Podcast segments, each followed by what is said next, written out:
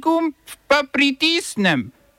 Tisti, na katerem piše OF. Kitajska omejitev izvoza Galija in Germanija.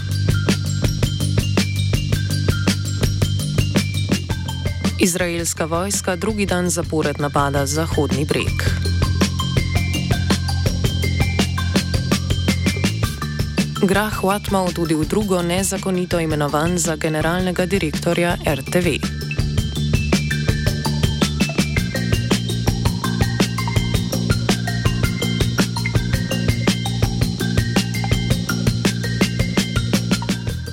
Kitajsko ministrstvo za trgovino je sporočilo, da bo država uvedla omejitve za izvoz dveh kovin, Galija in Germanija, ter njunih kemičnih spojin, ki so ključne za dele industrije polprevodnikov, telekomunikacij in električnih vozil.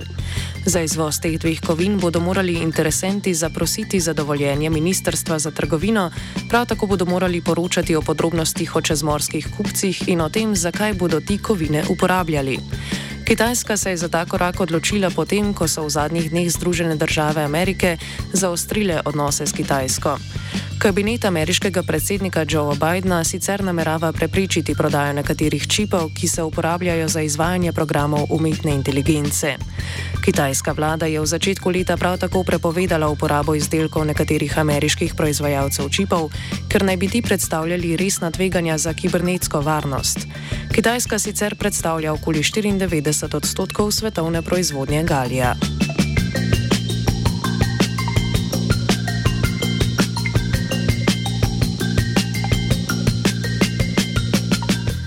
Mednarodna agencija za jedrsko energijo, krajše IAEA, e je japonskim oblastem odobrila izpust odpadne vode iz jedrske elektrarne Fukushima v morje.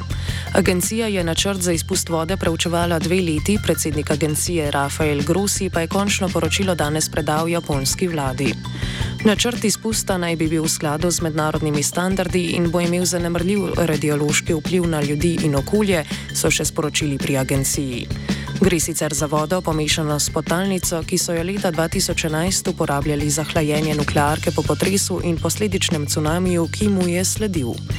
Gre za dobro tono vode, spravljeno v okoli tisoč rezervoarjih, ki so jo prečistili tako, da so iz nje odstranili večino radioaktivnih snovi, razen tritija, radioaktivnega izotopa vodika, ki ga je težko ločiti od vode. Izpuščanje vode naj bi se začelo še letos poleti, trajalo pa naj bi med 30 in 40 let, da bi bila voda čim bolj razrečena, s tem pa manj nevarna. Načrtu odločno nasprotujejo Združenja japonskih ribičev in nekatere sosednje države.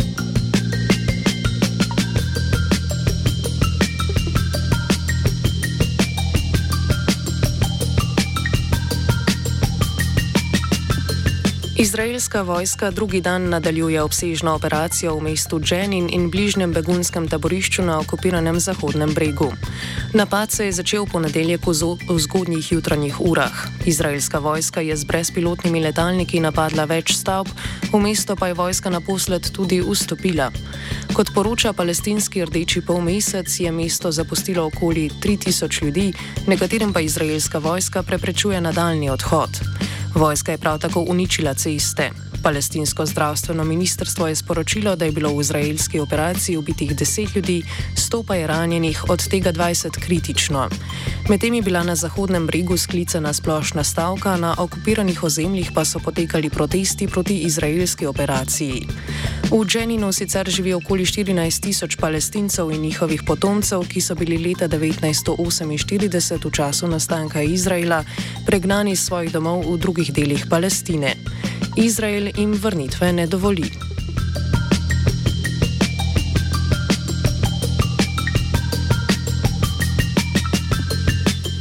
Senegalski predsednik Maki Sal je včeraj izključil možnost, da bi se potegoval za tretji mandat. Sal, ki je bil za predsednika izvoljen leta 2012 in 2019, je po ustavi omejen na dva mandata. Kljub temu njegovi zagovorniki trdijo, da je ustavna sprememba iz leta 2016 ponovno določila število njegovih mandatov in mu omogoča kandidaturo leta 2024. Negotovost glede tega, ali se Sal namerava potegovati za tretji mandat, je v zadnjem letu v zahodnoafriški državi počgala proteste. Zadnje večje nemire je pred dvema mesecema sprožila dveletna zaporna kazen, ki jo je sodišče izreklo opozicijskemu voditelju Usmanu Sonki, ki je bil obtožen posilstva, vendar zato še ni bil priprt. Sonko obtožbe označuje za politično motivirane ter pravi, da mu s tem želijo preprečiti sodelovanje na predsedniških volitvah. V nasilnih protestih, ki so sledili obsodbi, je bilo ubitih 16 ljudi.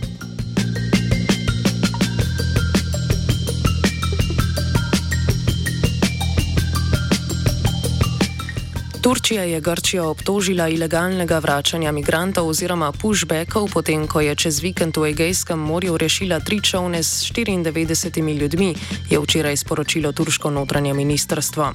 Dva napihljiva čovna s 47 potniki so rešili nedaleč od grškega otoka Lesbos. Turške oblasti pa so prav tako opazile še en čovn z okoli 11 imigranti v okolici mesta Izmir.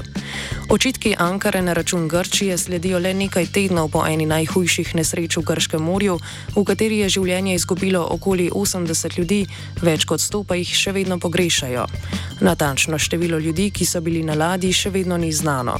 Po besedah rešenih migrantov je bilo na krovu več kot 700 ljudi, med njimi tudi okoli 100 otrok.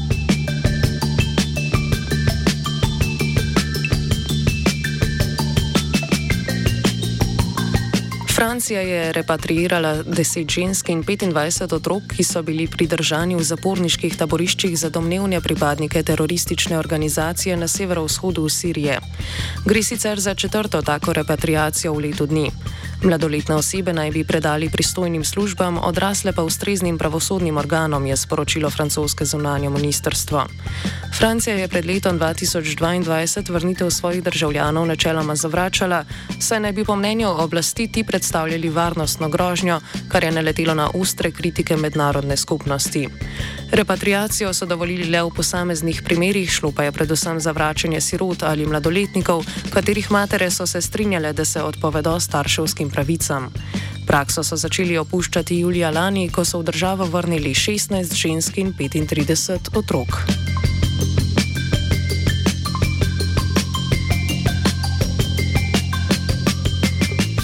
Jens Stoltenberg bo na čelu predsednika Severnoatlantske pogodbene organizacije, krajše Zveze NATO, ostal do oktobra prihodnje leto. Kot je danes sporočil na družabnem omrežju Twitter, so mu članice zavezništva mandat podaljšale še za eno leto. Nekdani norveški premijer je na čelu te organizacije že od leta 2014, mandat za še eno leto pa mu je 31 članic zaupalo zaradi vojne v Ukrajini. Pred podaljšanjem mandata je zveza sicer iskala novega predsednika, ki bi ga imenovala pred zasedanjem v Litvi.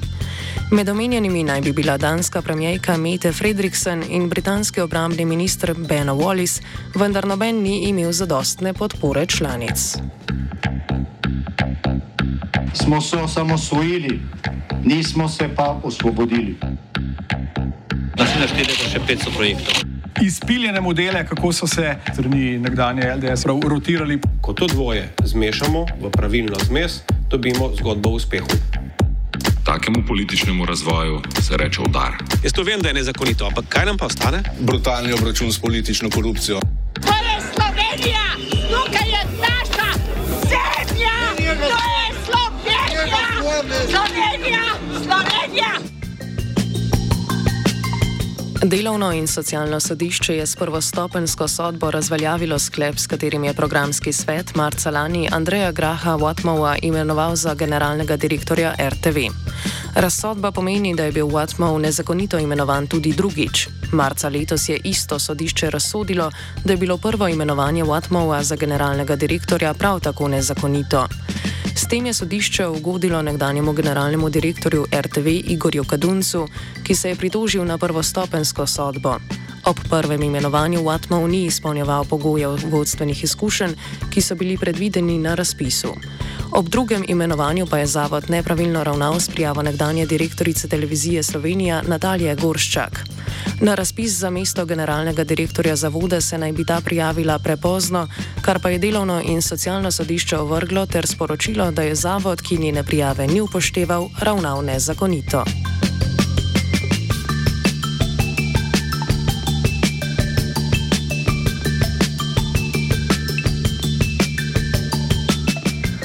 Ostajamo na RTV.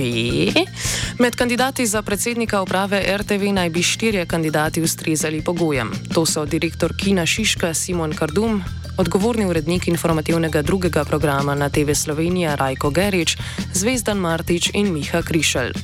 Pogovori pred razpisno komisijo bodo 10. julija, svetu RTV pa se bodo kandidati predstavili 13. julija. Predsednika uprave bodo na to člani sveta izbrali z glasovanjem. Poleg razpisa za predsednika uprave je potekal tudi razpis za dva člana štiričlanske uprave. Razpisnim pogojem naj bi ustrezalo sedem kandidatov in sicer Peter Dular, Marko Fili, Andrej Grah-Watmov, Andrej Trček in Robert Levstek. Sedmi kandidat je Simon Kardum, ki se je prijavil tako na razpis za predsednika uprave kot za člana štiričlanske uprave.